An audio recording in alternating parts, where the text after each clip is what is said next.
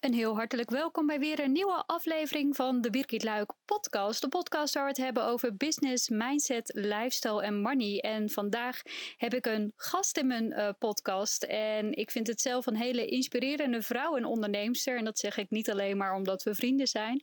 Maar zij reist al elf jaar de wereld rond, heeft haar business daaromheen opgebouwd. En ik dacht, dat is echt een supermooi verhaal om met je te delen. Om te kunnen zien hoe je van je passie ook daadwerkelijk je droombedrijf kunt bouwen. En ook zij uh, loopt er tegenaan dat haar succes haar op dit moment aan het inhalen is. En in de podcast deelt ze ook hoe ze hiermee omgaat. Maar vooral ja, wat voor fijne levensstijl, wat voor fijn leven zich eigenlijk voor zichzelf heeft gecreëerd. Dus luister mee naar de podcast waarin Tessa de Bruin van Jouw Afrika-reis je meeneemt op haar ondernemersreis. Kennen wij elkaar ergens van? Weet jij het nog? Ja, het was in uh, Egypte, ik denk iets acht jaar geleden. Uh, toen was ik daar om kitesurfles te geven. Ja, jij gaf geen kitesurfles, maar Ik was er alleen voor in, om te zonnen en om mezelf te kiten, ja. En uh, ja, de, daar hebben we elkaar ontmoet via de, ja, via de kiteschool. Ja, klopt, via de kiteschool daar. Mark heeft daar ook gewerkt als kitesurfinstructeur. En zo kwamen we met elkaar in contact. En hebben daar een half jaar, wij hebben daar een half jaar gewoond, maar sindsdien hebben we eigenlijk altijd contact gehouden. Ja. En heb jij ook voor ons meerdere reizen naar Zuid-Afrika. Met twee, twee reizen. Twee reizen, inderdaad. Dus uh, sindsdien, uh, of nou ja, sindsdien kennen we elkaar, maar weet ik dus ook alles af van jouw bedrijf. En zoals ik al zei, we hebben wat je doet. We hebben daarover contact gehouden en natuurlijk ook zelf ervaren hoe vet het is om te reizen door Zuid-Afrika. Um, maar over dat reizen gesproken, want je gaf aan dat doe je al een lange tijd. Um, hoe lang doe je dat al? Ik reis eigenlijk al fulltime, nou ja, fulltime, ja, ja, wel sinds mijn achttiende. Dus dat is nu elf jaar ongeveer. Um, maar eigenlijk daarvoor ook al ben ik, uh, toen ik 2007 was dat. Dus volgens mij was ik toen 14 of zo. Ja. Toen ben ik naar uh, de Wereldjamboree geweest. Want ik was uh, een... ik zat op scouting. Ja. Scouts. nee, daar zat ik altijd op. En toen was ik, was ik dus best wel jong. En dus, toen zag ik dat langskomen dat ik daarheen kon. Dus de World Jamboree was dat jaar toen in Engeland. En er komen dan 40.000 mensen over de hele wereld komen daar samen op een, uh, op een terrein, echt over de hele wereld. Dus echt iedereen, elke cultuur was er. En ik dacht, daar, daar wil ik gewoon heen. En daar ben ik toen al heen gegaan. Het was dan drie weken. En daar is het eigenlijk echt begonnen. Maar toen was ik 18 en toen ging ik stage lopen in het buitenland. En toen bleef het maar doorgaan en doorgaan. En toen bleef het maar doorgaan en doorgaan. Maar bedoel je dan dat je af en toe een vakantie boekte naar het buitenland? Of wat bedoel je? Ik ging elke weekend naar België, naar de Ardennen. Nee, nee ik uh, was eerst een half jaar zat ik op Bonaire. En toen mocht ik van school niet meer uh, naar het buitenland. En toen uh, van mijn studie, toen ben ik een half jaar op Ameland gaan wonen. En daarna een half jaar Zeeland. Dus ik dacht, oké, okay, maar dan ga ik wel uithoeken uitkiezen. En sindsdien was het uh, ja, Zuid-Afrika. Uh, toen ging Zuid-Afrika en daarna ging de hele wereld over. Ja. En uh, ik denk mijn meest indrukwekkende reis was wel toen ik in 2018 met de trein van Amsterdam naar India ben gegaan, trein en bus. Ja. Dus dat was wel een van de meest in, ja, indrukwekkende reizen. Ja, dus jouw zaadje eigenlijk voor het reizen is geplant mede door de scouting? Nou, daarvoor al. Toen ik vier was, zei ik al tegen mijn ouders dat ik weg zou gaan. Oh, dus je had ze er al wel op voorbereid? Ja, die, die wisten het al heel jong. En ik weet echt nog, toen ik, ik denk dat ik tien was of zo, dat mijn moeder een keer me meenam naar de gang op een feestje. En dat ze toen tegen me zei, Tessa, je moet stoppen met mensen te vertellen dat je weggaat. Want het lijkt net alsof we hele slechte ouders zijn. Oh. Dus, toen heb ik dat, uh, dus toen had ik pas door dat niet iedereen zo dacht over reizen. Dat het dus wel, dat ik anders daarin was. Ja. En dat ik, ja, voor mij was het ja, heel logisch dat ik dat zou gaan doen. En voor mijn ouders ook. Die, die hadden ook niet anders verwacht. Die hebben ook me altijd daar ja, in gepusht om dat te gaan doen. Anders had ik natuurlijk nooit op mijn 18 en een half jaar op Bonaire kunnen gaan wonen. Nee. Dus dat was, ja, dat, dat zijn allemaal dingen. Zij waren er zich heel bewust van, want ik had het er alleen maar over. Ja, ja. Dus het was heel duidelijk, ja. al van jongs af aan. En dat heeft uiteindelijk dus ook geresulteerd in je eigen reisbureau en natuurlijk ook in je levensstijl. Want het reizen met een camper fulltime, ja, reizen is wat je doet. Ja, dat is wie ik ben, ja. Dus dat is echt, het, het is alles. Maar als, als ik langer dan een paar maanden op dezelfde plek ben, dan word ik ook heel ongelukkig. Heel onrustig. En onrustig, ik wilde Ja. net zeggen. Onrustig volgens mij. Maar ook echt heel ongelukkig. Dat ik, ik dan blijf liever in bed liggen dan dat ik weer uit moet komen. Ik heb daar heel veel eh, moeite mee. Dus ja, toen ik terugkwam van die treinreis van Amsterdam naar eh, India, toen zei ik ook echt tegen Jack, dat is mijn man, zei ik van nou ga ik een eh, half jaar of een jaar in, eh in Langebaan blijven wonen. Dus in In Zuid-Afrika, ja. dus eh, toen, toen zei hij van oké, dat is goed. Ik denk dat ik nog een maand later zei, sorry, dit gaat niet werken. Ik kan dit niet. Ik kan hier, het, alleen al het idee dat ik hier een jaar moet blijven, maakt me heel ongelukkig. Ja. En toen hebben we de bus gekocht. ja, toen heb je de bus gekocht die Ja. jullie zelfstandig ook hebben omgebouwd. Of jij eh, natuurlijk ook Ja. heel veel, eh, eigenlijk alles zelf hebt, eh, hebt gedaan. Maar nog heel even over die treinreis die je hebt gemaakt. Waarvan je zegt dat was echt wel mijn meest indrukwekkende. Wat was daar zo indrukwekkend, indrukwekkend aan, aan die reis? Nou, het verschil denk ik in, in culturen, maar ook gewoon, je begint in Amsterdam. Dus daar begon ik echt met, eh, met de reis en toen ging ik gelijk door naar Tsjechië. En dan, dat is al een groot eigenlijk cultuur en, en hoe het er allemaal uitziet, daar heb je al een verschil. Maar als je dan zo die hele route bekijkt, hoe je dan van dat, ja, het moderne Europa, dan ja, Oekraïne in. Eh, ik was echt op slag verliefd op Oekraïne, daarom vind ik de hele situatie ook echt heel heftig.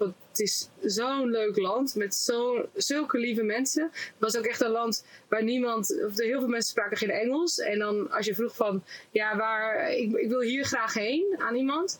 En liet je dat zien en dan ja, pakten ze je hand vast en dan namen ze je mee naar waar je, waar je heen eh, wilde. Dus eh, zulke mensen zijn het. En, het echt een geweldig land.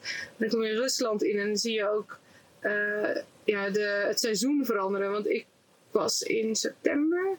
En dan stapte ik in Moskou op de trein. En daar was het gewoon nog in mijn korte broek. Een beetje, best wel warm. En toen kwam ik uit in Irkutsk. Ehm, dus het ja, echt helemaal andere kant van het land natuurlijk. En onderweg zag je het eigenlijk gewoon herfst worden. En dat zijn allemaal van die details die je nooit gaat zien als je vliegt. En dat is, ja, nou ja, Mongolië. Ja, daar, ja. Maar, dus dat is gewoon Ja, daar wil ik nog wel iets over zeggen. Want ik eh, volg Tessa dus al een tijd. En dan eh, wat zij daarover posten. Jij hebt daar geloof ik een, een... Hoe lang heb je nou gezeten in zo'n yurt met Oh, mensen? zes dagen. Oh, zes Ja, dagen. Zes dagen, ja. Want ik, ik, was, ik wilde altijd al paardrijden in Mongolië. Ik kon helemaal niet paardrijden. Ja. Dus voordat ik wegging had ik snel nog een paar paardenlessen genomen. En ehm, toen was ik op zoek naar een organisatie die dat dan deed. Die niet ehm, in US dollar betaald wilde worden. Want ik zie altijd als ik op reis ben, als er organisaties in dollars betaald willen worden, zit er meestal iets heel erg toeristisch achter. Dus dat wilde ik niet. Dus ik was toen heel lang op zoek geweest naar, nou ja, naar een organisatie die dat dus veel lokaler deed. Toen kwam ik uit in een guesthouse midden in eh, Mongolië. Ehm, een Australische man die getrouwd is met een Mongoolse vrouw. En die hebben daar dus een leuk guesthouse. En die doen dan dus die tochten dat je dus eh, te paard ja, de omgeving intrekt. En je slaapt dus echt bij die mensen in een yurt. Niet in een toeristisch opgezette yurt. Het was ook gewoon een gat in de grond eh, met een paar Voor de number two. voor de, one en two. en, eh, en met een mooi uitzicht. Ik had ook geen een wc met uitzicht. eh, dat, dat is echt ja, onvergetelijk natuurlijk. Het is eigenlijk iets heel stoms, maar dat is toch wel iets heel bijzonders. Ja, wat heel veel indruk maakt. Ja, en, en dan het hele bijzondere eraan was dat het ook nog eens halverwege begon te sneeuwen. Dus op dag drie, vier begon het in één keer te sneeuwen. En dan ja, zit je op dat paard in de sneeuw. En dan zie je dat landschap helemaal bedekt worden. Ja, dat is echt heel erg bijzonder. Ja. ja. En toen was je dus in Mongolië. En vanuit daar ging de reis natuurlijk weer verder met de trein. naar China. Chi- China door gekruist. Even China doorkruisen. Even helemaal doorkruist. Op een gegeven moment was ik helemaal klaar met de grote steden. En toen dacht ik, nou, ik ga nu naar Tibet. Maar als je naar Tibet gaat, dan moet je daar een dag of zeven op je visum wachten. Dus dacht ik, nou, wat ga ik nu doen? En toen ging ik eh, richting ja, de woestijn. Mhm. En eh, dus ook richting waar de Oeigoeren zaten. En dat was toen nog helemaal niet bekend.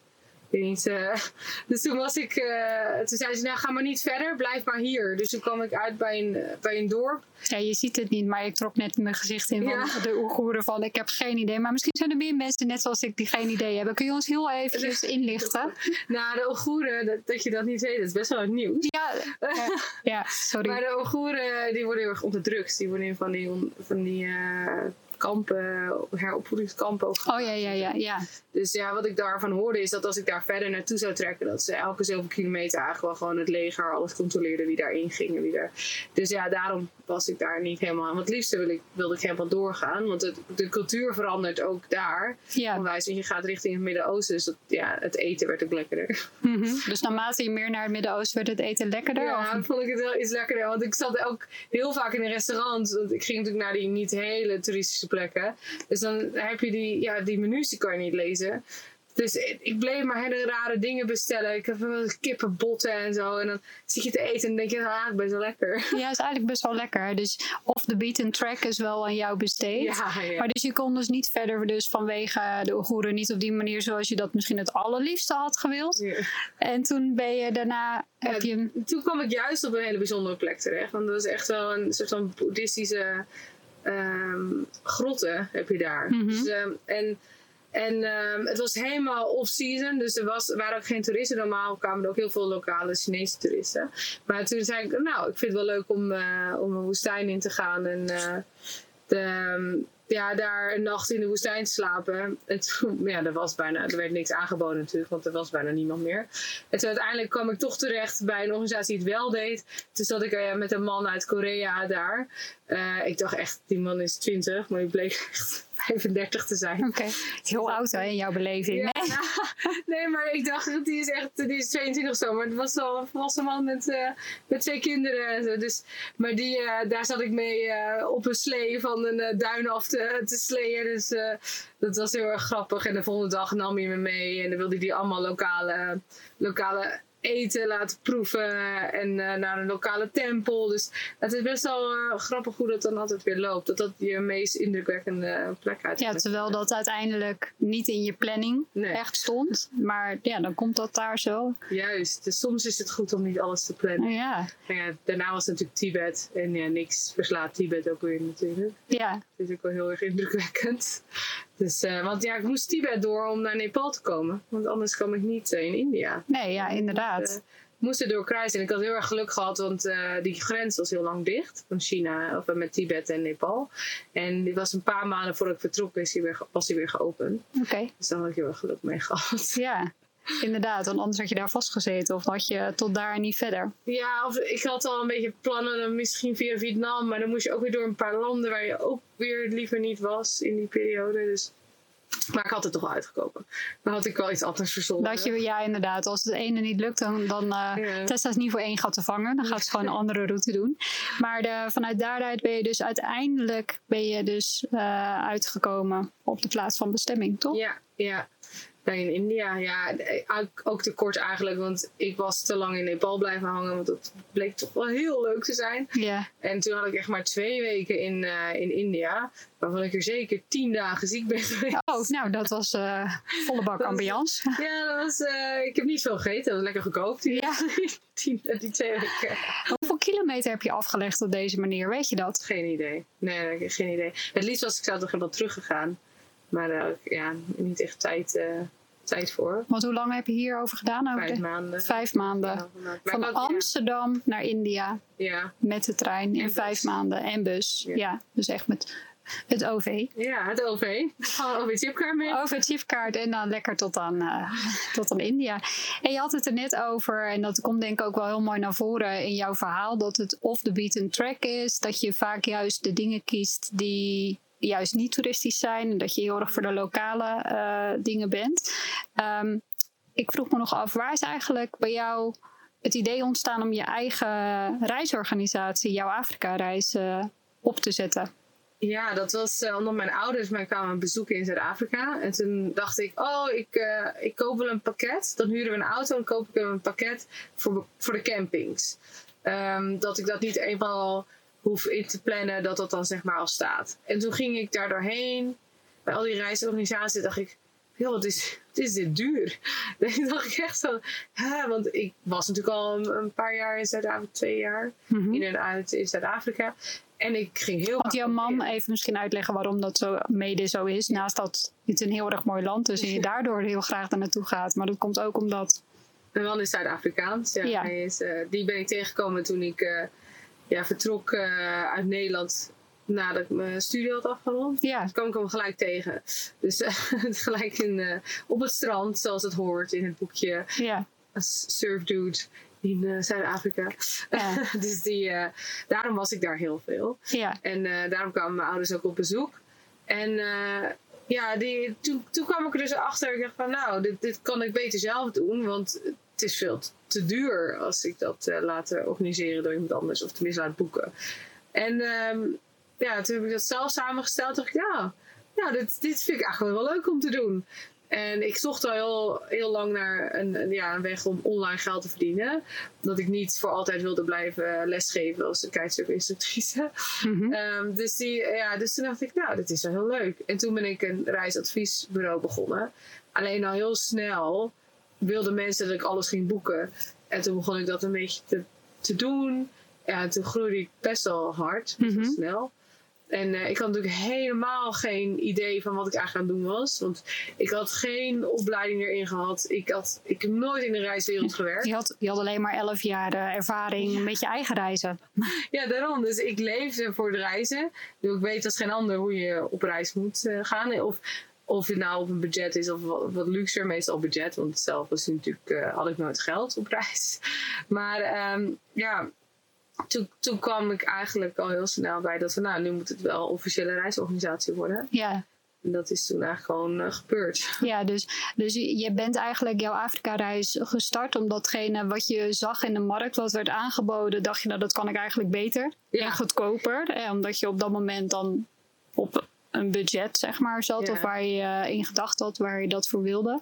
En omdat je natuurlijk ook al veel kennis had van de markt, omdat je man daar woont en Ja. dat je al heel veel tijd in eh, Zuid-Afrika doorbracht. Ja, ik ken het land eh, aardig goed al. Beter dan de gemiddelde Zuid-Afrika. Ja, ja, dat klopt inderdaad. Dat is vaak zo, hè, met, als je toerist in een land bent. ja, Dus, maar, dus dat, ja, daar, daarmee begon het eigenlijk. En, en ehm, ik, was, ik begon natuurlijk heel erg met budget eh, reizen. Want Mhm. dat was natuurlijk ook hoe ik zelf door het land heen reisde. En ook, eh, ja, nou ja, ik ben natuurlijk ook heel erg die mensen die mijn eerste klant allemaal onwijs dankbaar. Want zonder hun had ik nooit geweest dat ik nu hoe ben. ben je aan die klanten gekomen? Ja, eentje via jou ook. Ja, dat klopt. Ja. Willeke, Willeke. als je luistert, dankjewel. Ja, zonder Willeke was ik niet. Maar dat weet, Willeke weet het ook en dat heb ik er wel vaak Ja. verteld.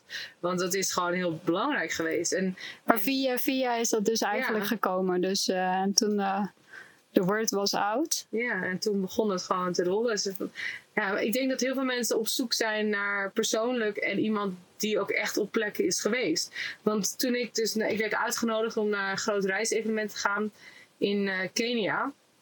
En eh, dat heb ik toen eh, gedaan. En toen was ik in een groep met mensen.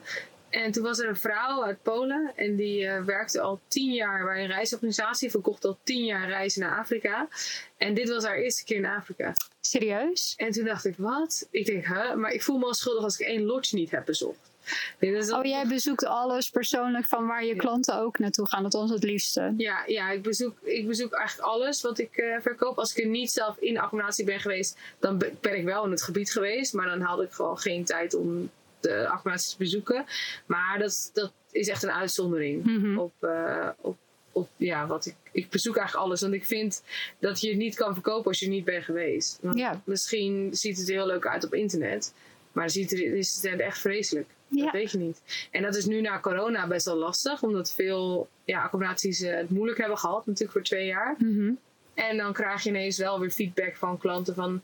Ja, het was eh, een beetje achterstallig onderhoud. En dan denk ik, ja, we moeten het er maar mee doen. Want heel veel mensen die moesten kiezen of ik ga eten vanavond... of ik koop een nieuw pot verf. Ja. Ja, dan denk ik, ja, sorry, als het dan het eh, wat minder is voor, voor een jaartje, dan moeten we het daar maar mee doen. Maar als het natuurlijk ja, echt heel erg is, dan, ja, dan moet ik er toch weer heen om alles weer te bezoeken. ja, en dan ga je dus weer naar nieuwe lodges en naar nieuwe adressen waar je naartoe gaat. Maar ook graag naar, naar dezelfde, want het is altijd gezellig. Ja, en dan kun je natuurlijk, heb je, dus je hebt ook een goede relatie met de mensen waar, waar jij accommodaties voor aanbiedt. Ja, ja.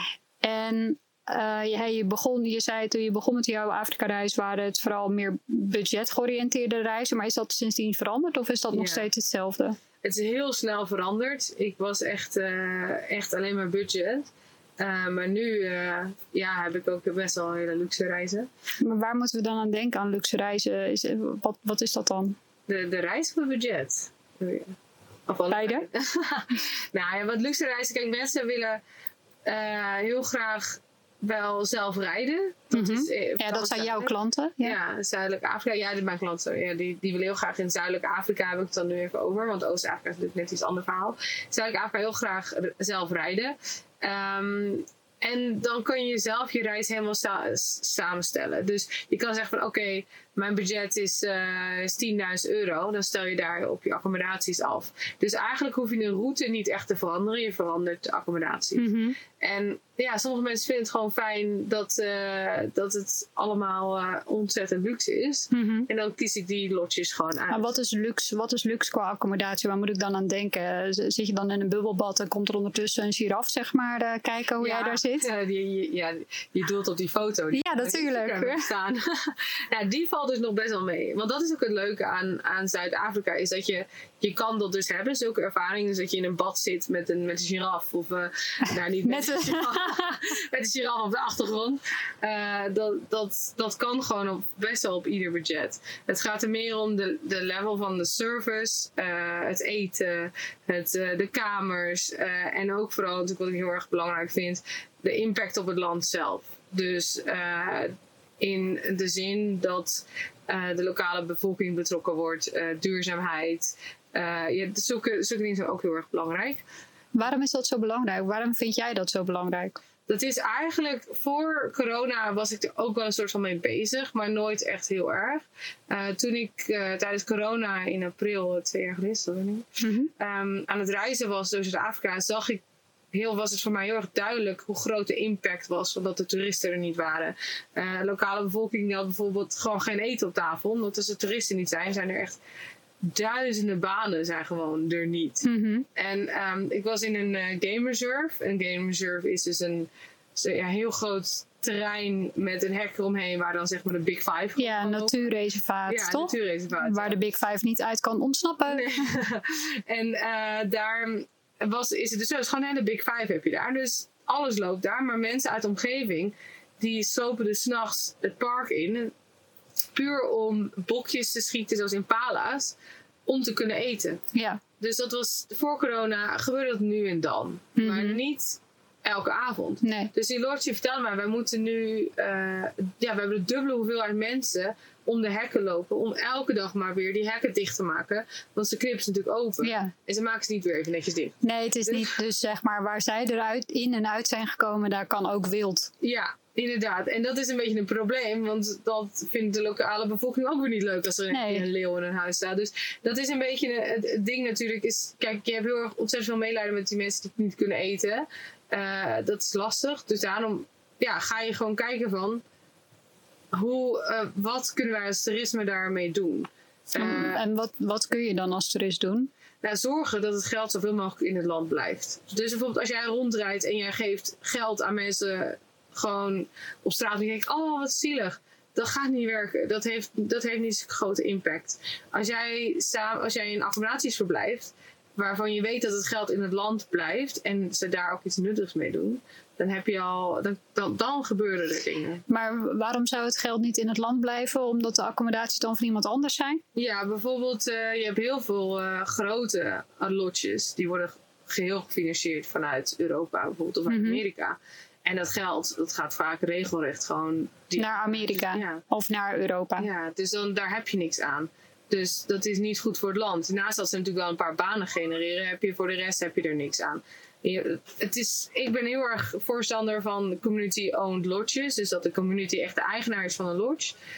Um, dat iedereen in die lodge ook echt uit de community komt. Die mm -hmm. beginnen dan bijvoorbeeld als, uh, als schoonmaker. Maar als zij een ambitie hebben om ranger te worden, dus dat ze uiteindelijk gewoon die auto's rijden met de, met de toeristen erin en op zoek gaan naar de Big Five, ja, dat wordt dan geregeld. Uh, het probleem heel vaak is dat community-owned lodges um, er toch heel veel corruptie bij komt kijken. Ja. Eh, heel veel mensen kunnen gewoon niet met geld omgaan in Afrika. Dat is gewoon een, dat is gewoon een feit. Dat is Mhm. gewoon zo. Ehm, en eh er is dus een overkoepelende organisatie die stapt daarin. Dus er zijn eh lodges eh, in het Kruger, bij het Krugerpark, maar ook bijvoorbeeld in, eh, in de Drakensberg. Dat is eh, bij Lesotho, dat is een landje midden in Zuid-Afrika. Mhm. Ehm, daar, daar heb je Witsieshoek. En Witsies, Witsieshoek heeft eh, afgelopen jaar de Responsible Travel Award gewonnen. Ehm, omdat zij, het is een heel bijzonder verhaal, want zij zijn in 2014 volgens mij, nee, nou, rond dit, dat jaar, ehm, gingen ze bijna failliet. Het was een community-owned lodge en vanuit daar eh, kon je hele mooie wandelingen maken in de Drakensbergen.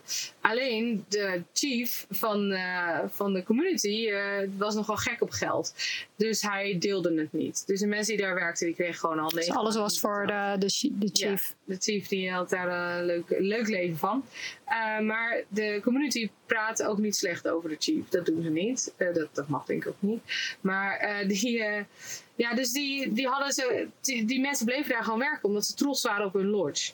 Maar helaas kregen ze niet meer betaald. En toen op een gegeven moment is dus de, deze organisatie erin gestapt en gezegd: jongens, we gaan ervoor zorgen dat het weer goed komt. We gaan hier wat moois van maken. En nu gaat het ja, ontzettend goed. En hebben ze die prijs gewonnen. Ja, dat is natuurlijk gewoon een ontzettende kroon op hun werk wat ze daar hebben gedaan. En dat is ja, met heel veel lotjes. En ik werk heel graag met hun. Dat, eh, ja, ik weet dat er gewoon heel belangrijk is voor. Ja, dus dat is eigenlijk ook als je via jou een reis boekt of via jou de reis laat samenstellen. De, je, je bespreekt de wensen en vanuit daaruit ga jij aan de slag. Ja, Ehm, en dat dat dus eigenlijk ook nog een extra aspect is van de reis. In plaats van dat je puur alleen naar prijs kijkt. Dat je dus ook gaat kijken naar wat voor impact heeft het als ik mijn reis daar naartoe maak. En het is dus niet vanzelfsprekend dat het geld daar blijft in nee. Afrika of in, eh, in het land daar zo. En dat is dus een heel belangrijk iets waarin jij je ook onderscheidt van andere organisaties. ja, alleen ben ik nog niet zo goed in het eh, laten zien dat ik dat doe. Dus daar, dat Nou, deze, deze podcast is daar een mooi, eh, mooi startpunt van. Ja, zeker. Nou, daar ben ik ook wel heel erg mee bezig. We stonden natuurlijk nu net een week op de vakantiebeurs. Ja, En daar heb ik ook een presentatie gegeven over hoe ik het allemaal doe. En mensen vinden het heel indrukwekkend. En vinden het ook heel erg goed dat ik dat doe. Want ik vind het ontzettend vervelend dat er allemaal organisaties zijn die labels op hun eh, bedrijf plakken. En zeggen, oh, ik ben responsible. En dan kijk ik, een oh, soort van greenwashing. ja, het is ontzettende greenwashing. En het is gigantisch. En dan, en dan ga je de let, kleine letters lezen. En dan zeg Het is jammer dat mensen nu niet jouw blik kunnen zien. Ja, ik want ik word, hier boos. bijna, ik word hier bijna opgegeten.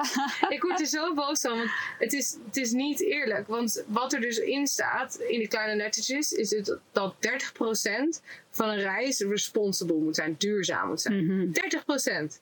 En hoeveel is het bij jou? Nou, laat ik zeggen 9 van de 10. 9 van de 10, dus Ja. een 90 procent. Ja, het is voor mij meer dat ik, ik kan er niet bij komen dat als, als ik een reis samenstel en ik zou er niet naar kijken, dan kom ik nog boven de 30%. Zeg maar Ja. voor corona. Ja. dan kom ik al boven de 30%. En dan denk ik, hoe kun je nou doen alsof dat een, duurzaam is? Het is gewoon green. Maar dat is dus weer, eh, greenwashing is eigenlijk natuurlijk de marketing, omdat ze zien het is een trend dat steeds mensen meer bewust willen zijn of Ja. meer bewust bezig willen zijn, maar niet echt eh, onderzoek doen en zich dus laten leiden door zo'n label.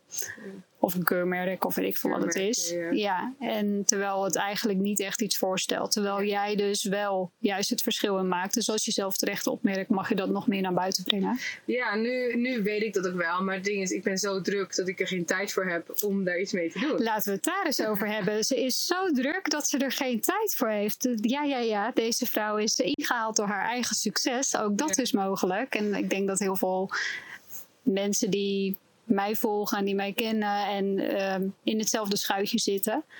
eh, Wat ga je daaraan doen om dat om te buigen? Mezelf helemaal om zeep helpen. Nee. Dat werken. Nee. Nee, dat gaan we Nee. niet doen. Nee, zeker niet. Nee, ik, heb, ehm, ik was afgelopen mei in eh, Tanzania. En toen was ik dus met een, met een groep andere reisagenten. En dan bezoek- bezoeken we nieuwe accommodaties. En toen zeiden ze al, wat jij aan het doen bent, slaat helemaal nergens op. Als in. Dat ik veel te veel werk doe. Dus dat ik alles zelf doe. Want die mensen, er waren in die groep mensen. Oh, dat jij alles zelf doet. Ja. Aha, ja. Dus die, er waren mensen in, in die groep die waarschijnlijk minder reizen verkopen als ik. En mi- eh, minder snel groeien dan wat ik aan het doen ben. Die al werknemers hebben. Dus dat ik dat nog niet had, is eigenlijk bizar. En je spreekt in de verleden tijd had. Ja, dus nu heb ik iemand die ik aan het opleiden ben. Maar doordat het zo druk is met de vakantiebeurs, heb ik dus geen tijd om haar op te leiden. Maar eh, ja, dat, dat heeft dus wat meer tijd nodig. Eh, maar dat is nu wel, eh, begint nu wel te veranderen. Ja. en ik denk wat ook een hele goede is, dat je zegt het opleiden.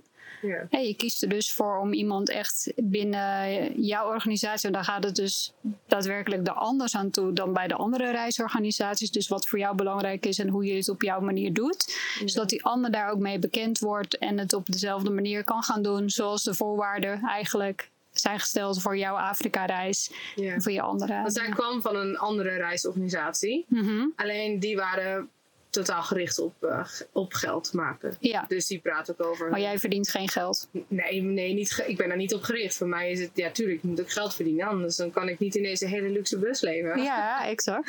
Nee, maar het is, ehm, zij praten ook over targets halen. Ja. Zulke dingen. Ja, dat, dat is bij mij geen doen. Dat zo werk ik niet.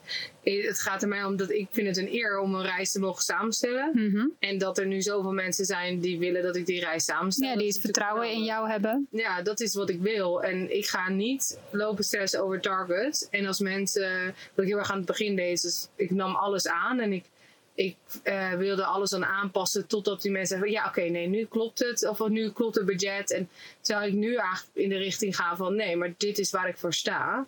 En ik verkoop dit. En Ja. als jij daar niet mee tevreden mee, of tenminste als je dat dan te duur vindt, of als je dat, eh, ja, dat niet goed vindt, dan ben je gewoon niet bij het juiste adres. En dat is gewoon, ik wil niet meedoen aan die greenwashing. Dat wil ik gewoon niet. Nee. Maar ik kan ook voorstellen dat niet iedereen het budget heeft om, bijvoorbeeld in Tanzania, daar, Tanzania en, en eh, Kenia zijn wel hele dure landen. In Zuid-Afrika heb je voor ieder budget een, een eh, ja, duurzame reis, laat ik het zo zeggen. Eh, voor ieder budget, wat is dan een startbudget? Ja, dat, ik heb... Ik wil jou heel graag tot cijfers dwingen. Nee. Ja, heel graag. Nee, maar er zijn bijvoorbeeld mensen die... Ik heb nu een reis... Een tweeweekse reis. Gemiddeld, hè? we houden je er niet aan vast. Nee, het is heel lastig, eh, want dan kan ik eh, nooit antwoord geven. Want iedere reis die ik doe, doe is op maat. Maar ik heb nu bijvoorbeeld een, een reis echt wel gericht op safari. Die eh, is voor de drie mensen, twee ouders met, of een ouders met een kindje. En die betalen denk ik rond de... Was het zes- zes- 6000 euro? En Hoe lang gaan zij? Drie weken. Drie weken, met Ja. drie mensen dus. Ja. Twee volwassenen en een kindje. Ja. Drie weken op safari-reis. Ja, best wel gericht op safari. Echt in het noorden van Zuid-Afrika. Dus echt eh, richting de grens van Botswana en eh Krugerpark. En, ja, en dat is gewoon een beetje... Dat is een van die reizen dat er dus... eh, dat je dus meer acht van de tien accommodaties dan totaal responsible zijn. Mhm. Maar duurzaam. Ehm, want ja, ze verblijven ook in het Krugerpark. En die accommodaties ben ik nog niet helemaal... Die, die zijn van de regering. Maar dat maakt niet uit. Die, eh, maar dat is, een, dat is zo'n reis. Maar het gaat, het gaat van 6000 euro tot aan 60.000 euro. Ja. Dus, ja, precies. Maar je, en wat je zei, want eh, voor, zoals het voor jou zelf was begonnen, was het eerst vanuit budget. Ja. Eh, maar je hebt, eh, en toen pakte je eigenlijk alles aan. Iedere vraag, daar kon je wel aan voldoen of daar gaf je op jouw manier een draai aan. Ja. En dat is naarmate het steeds beter ging en je ook steeds meer ja, dat succes jou gaan inhalen. Dat je ook keuzes bent gaan maken. En dat je zegt, oké, dit is waar jouw Afrika-reis voor staat. Ja. Dit is wat ik bied. En ehm, waar ik, ja, hè, kwaliteit, duurzaamheid. Eh, Zo noem je dat ook, ja. Ja, duurzaamheid. Ja, en, en vooral in Oost-Afrika. En daar ben ik nog heel erg... Want ik, ik ben mijn reisorganisatie natuurlijk begonnen in Zuidelijk Afrika.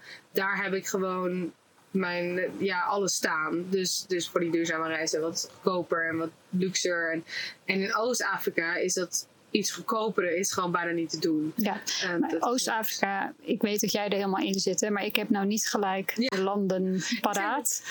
Kenia, Tanzania en Oeganda. Ja, En ehm, ja, oh, sorry.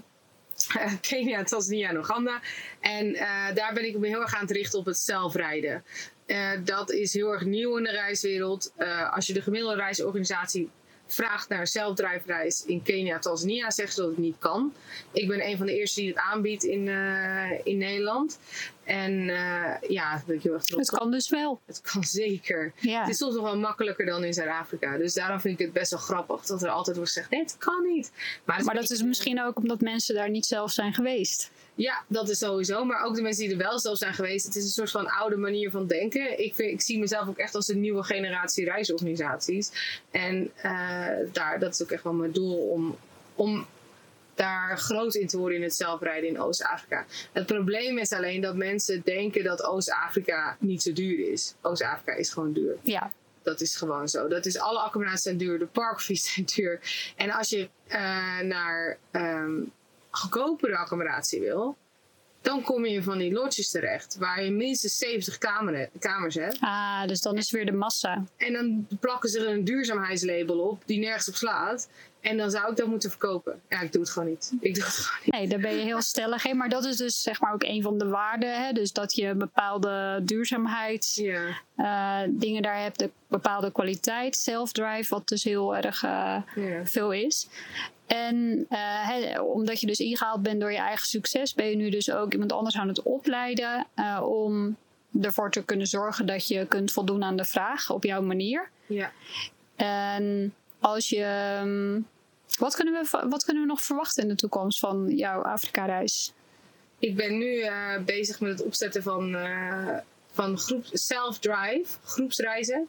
Dus dat uh, betekent dat je dus uh, met drie of uh, nee, drie auto's maximaal, want de groepen worden maar maximaal tien. Met een gids, dus daar maximaal twaalf dus. Mm -hmm. um, en dan rij je dus zelf door Tanzania of door Kenia of Oeganda. iets wat ik aan het opzetten ben, omdat ja, ik zie altijd die groepsreizen. En dan zit je met z'n allen in zo'n grote truck. En dan word je van plek naar plek gegooid. En dan uh, ga je. Lig je alleen maar te slapen. Ja, en ik zou alleen maar licht te slapen dan. en dat vind ik zo zonde. Want als je kijkt naar Kenia, Tanzania en Oeganda. Die landen zijn, die mensen zijn zo ontzettend lief. Echt, echt de meest lieve mensen ooit. En als je dan een keer ergens stopt. En uh, bijvoorbeeld, ik was in Kenia in, um, in november. En uh, dan stopte we in een theeplantage. En ja, dan gingen we even foto's maken van onze nieuwe auto's die we hebben voor promotie. En toen kwam er zo'n meisje naar ons toe. En dan sta je een uur later zijn nog met haar te praten over hoe het daar allemaal gaat. En ze willen alles uitleggen van hoe, hoe je het beste de thee kan plukken. En dat is dan geen opgezette activiteit. Dat is gewoon een spontaan. Spontaan. En ook echt met de mensen zelf. In plaats van alleen maar alles georganiseerd van plek naar plek en dit moet en dit. En dat, dat, daar ben ik zo klaar mee dat dat zo is. Ja, en bedoelde je dat misschien met de nieuwe generatie uh, die op een andere manier reist? Nee, niet per se. Want oh. ik, ik vind. Nee, ja, want ik vind dat. Kijk, die grote reisorganisaties blijven dat altijd doen. Ook al worden ze jonger en denken van oké, okay, zelfdrijf kan wel in Oost-Afrika dan, dan alsnog blijven ze vasthouden aan die gezette routes en gezette dingen. En alles blijft hetzelfde. Alle, alle accommodaties. Dus dat gaat niet veranderen. Nee, die groepsreizen zelf, drive dan? Moet, moet je dan zelf een groep bij elkaar krijgen? Of? Nee, nee was, ik, uh, je kan je inschrijven. Ik heb in oktober de, de eerste. Ik heb nog. Uh, ik denk één of misschien twee plekken over. Hmm, dus is, uh, mensen. Ja, kan nog mee. Willeke? Nee. ja, kan nog mee. Maar wat, wat, ik zo, wat ik zo leuk vind aan die, aan, aan die groepsreis is, je, het is kleinschalig. En je, kijk, ik snap dat heel veel mensen die durven alleen te rijden. Door, of je bent misschien single en je, je hebt geen zin om uh, alleen door uh, Tasnia te rijden. Ja, dan is het zo leuk om in zo'n ervaring toch mee te kunnen maken. Want hoe zit het met de veiligheid? Ja, dat is in, uh, in Tanzania, bijvoorbeeld in, ik sta in Kenia, dat je overal waar je stopt, ook al sta je in the middle of nowhere, in één keer staat er een Maasai naast je en die zegt, wat ben je doen? Waar ga je heen? Wat ze zijn zo nieuwsgierig en ze willen overal zeg maar gewoon weten wat je aan het doen bent. Ze willen niet alleen maar dingen aan je verkopen. Nee. Ze willen gewoon, ze zijn gewoon nieuwsgierig. En als er dan wat is, je hebt een lekker band. Nou ga je dat er tien man om je heen staat die je band willen vervangen. Omdat ze dat gewoon leuk vinden en dat ze mhm. nieuwsgierig zijn. En dat is gewoon ja, het hele Oost-Afrika. En, en onveiligheid, ja, je moet gewoon niet s'nachts rijden. Dus... Nee, er zijn bepaalde dingen die je gewoon niet doet. En dan voor de rest. En ook voor korte afstanden. In Zuid-Afrika bijvoorbeeld heb ik het over, Kaapstad. Ook voor korte afstanden pak je gewoon de auto. Ja, ja je gaat niet uh, s'nachts overal heen lopen. Maar op zich, kijk, het, het, mooie is dat ik natuurlijk alles ken. En dat ik ook de gebieden ken. Dus dat ik ook weet waar ik de accommodaties uitzoek. Ja. En dat zijn allemaal van die, van die dingen waar, als je niet bent geweest dat je dat niet weet. Ja, en wat ik heel mooi vind en wat we nog niet benoemd hebben, en dan gaan we hem zo afronden, is uh, dat jij ook heel erg betrokken bent tijdens dat mensen de reis aan het maken zijn, want ze staan daadwerkelijk met jou in contact. Ja. En dat je dus niet een of ander 0800 nummer moet bellen waar je vervolgens 15 minuten in de wacht staat ja. om te vertellen wat er is of wat je die dag hebt meegemaakt. En je bent heel betrokken daarin. Ik denk dat dat ook wel een uh, mooi speerpunt is van. Uh, ja. Mensen vinden dat heel fijn. Ook om gewoon via WhatsApp ben ik uh, altijd bereikbaar. Maar ik heb ook gewoon een lokale partner in de landen zelf. Dus als er wat is, kan je die ook altijd bellen. Ja. Ik, ik kan er niet altijd zijn en hun zijn er altijd. Mm -hmm. Maar via WhatsApp ja, krijg ik vooral ook heel veel leuke foto's natuurlijk. Ja, ik, ik, moet al lachen. Want dan zegt ze, ah, er is weer iemand. Oh, ze zijn zo blij met hun lords, weet je wel. En dan uh, zien wij weer een foto voorbij komen. Wat natuurlijk Ja. hartstikke leuk is. Dus ehm, ja, ik denk dat dat nog wel eventjes goed was om te benoemen. Ja. Tessa, super bedankt voor dit uh, interview en voor het uh, delen van jouw Leven. passie voor reizen en leven. Dit is jouw leven inderdaad. Um, waar kunnen mensen meer over jou vinden? Of dat ze denken, nou, daar wil ik wel meer van weten van Tessa of van jouw bedrijf. Ja, ik heb uh, natuurlijk gewoon Instagram en een website voor en dat is? afrikareis.nl. Ja. En ik heb ook mijn eigen Instagram. Dus dat is mijn reis Instagram eigenlijk. Uh, Tessa Goes Global. Mm -hmm. Die heb ik al heel lang. Dus daar deel ik vooral foto's op van de reizen die ik maak. En dan, ja, ja Afrika reis echt voor mijn bedrijf. Ja. Je had er toch nog eentje? Waar we het helemaal niet over gehad hebben, maar misschien nog heel kort iets over ik, kan ik vertellen. Ik heb een bedrijf. Die, uh, we hebben ook net opgezet met mijn vader. Dat zijn gravel biking uh, vakanties. Uh, dat is helemaal in toch? Tegenwoordig ga je niet meer fietsen, maar ga je op een gravel, gravel bike. ja. ja, dat is helemaal in. En daarom stap ik er nu ook in. En maar Zuid-Afrika heeft natuurlijk prachtige gravelwegen. Dus, heel veel nou, gravel raven. Daar moeten reven. Oh ja, dat is heel iets anders. Sorry. Wegen. Gravelwegen, ja. Dus daar, daar um, daar ben ik dus ingestapt nu samen met mijn vader. En dus dat ik, heb ik opgezet ook. Dus als je van fietsen houdt en, uh, en een avontuurlijke reis wil maken. En uh, straks ook nu... Dit is wel echt super gaaf natuurlijk. En ja. moet je daar in je eentje voor zijn of kun je dat ook... Uh... We doen het op maat. Dus als je met een groep bent, want er zijn natuurlijk heel veel fietsgroepen. dan kun je ook als groep komen. Maar anders hebben we ook een twee, of ja, misschien wel straks wel meer, twee reizen per jaar als groep. Ook kleinschalig, ook maximaal 10 deelnemers. Ook weer de duurzaamheid, het hoge vaandel, betrokken. Dan, dus dat scheelt. En je fiets, dat scheelt, scheelt de hoop, ja, inderdaad. Ja, en, uh, en ja, ook we onderweg. Um, ik heb, nee, misschien heb ik daar geen tijd voor. Ik dacht misschien nog even over mijn bijen. oh, je nog heel even, ja. ja even bijen. Nee, om, ik heb, uh, omdat ik altijd vreselijk vind dat, dat je je reis kan compenseren met een boom die geplant wordt ergens in uh, Zuid-Amerika. Dacht ik, daar moet ik iets anders voor verzinnen. Um, dus... Ja, hoe compenseren mensen het bij jou dan? Ja, dus daar, daar heb ik nu uh, mijn Honeybee Heroes voor. Dat is een organisatie die zijn tijdens corona gestart. En die kan je een, een beehive adopteren adopteren, dus een bijenkorf. Ja, een bij bijenkast. Ja, ja een bijenkast. En uh, mijn doel is er om dit jaar er 20 te hebben. Want als, er 20, als ik er 20 heb, als, uh, als één persoon zeg maar, dan, uh, dan leiden ze een vrouw op uit de townships. Mhm. Mm -hmm. dus, ja, de townships rondom Kaapstad. En die krijgt dan ja, verantwoordelijkheid over die bijenkorf. Dan wordt zij een imker of zo? Ja, zij wordt dan opgeleid als imker. En zij kan dan de honing weer terugverkopen. En dan uh, heeft zij dus inkomsten voor, om eten op tafel te zetten. En dat is, ja, dat, vind ik echt. Je doet drie dingen in één keer. Dus je plant. Je kan ook kiezen om de, dus de, een boom erbij te planten, nog bij Mhm. je bijenkorf. Of alleen een bijenkorf. Of, oh, zo, wacht even. Je kan een boom planten, je hebt een bijenkorf. En je zorgt ervoor dat er een lokaal persoon inkomsten Ja. uh, krijgt. Nou, en ik denk dat dat siert jou ook wel heel erg. En dat is inderdaad wat jou ook weer onderscheidt ten opzichte van andere organisaties. Dat je juist heel erg inspeelt op dat het geld dus daar blijft. En dat de economie daar op een bepaalde manier gestimuleerd wordt. En dat mensen dus kansen krijgen doordat er dus reizen naar...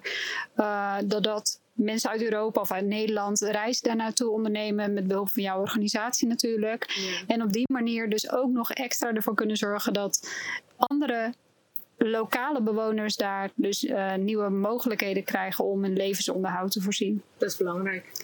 Nou, ik, ik denk dat dat, ja, dat is heel belangrijk. Laten we daarmee afsluiten, want dat is een hele mooie afsluiter. En dankjewel dat je die nog bespreekbaar maakte. We hadden van tevoren dit natuurlijk eigenlijk wel besproken, maar ik was hem zelf heel even vergeten. Dankjewel. Je kan ook trouwens een, trouwens een bijenkorf uh, adopteren zonder dat je op reis gaat. Oh, en hoe moet je dat doen dan? Dan mag je mij een mailtje sturen. Oké, dan mag je jou een mailtje sturen en dat is op welke e-mailadres? Info at jouwafrikareis.nl Ja, info at jouwafrikareis.nl voor als je de Beehive... Ja. Um, of de Honeybee Heroes. Honeybee Heroes, als je dat wilt, uh, wilt doen. En dan kan Tessa dat voor jou realiseren in het buitenland. Of in het buitenland in uh, Zuid-Afrika. En uh, zoals gezegd kun je haar volgen. Haar persoonlijke reisavonturen op Tessa Goes Global op Instagram. Haar zakelijke reizen die zij allemaal onderneemt naar Afrika, naar alle delen daarvan, dus kun je vinden op jouw Afrika-reis en op jouwafrikareis.nl staat het volledige aanbod. En we hebben natuurlijk nog de Gravel Africa. Ja, de uh, .cc. .cc. Ja. Nou, dat. Nou, dat.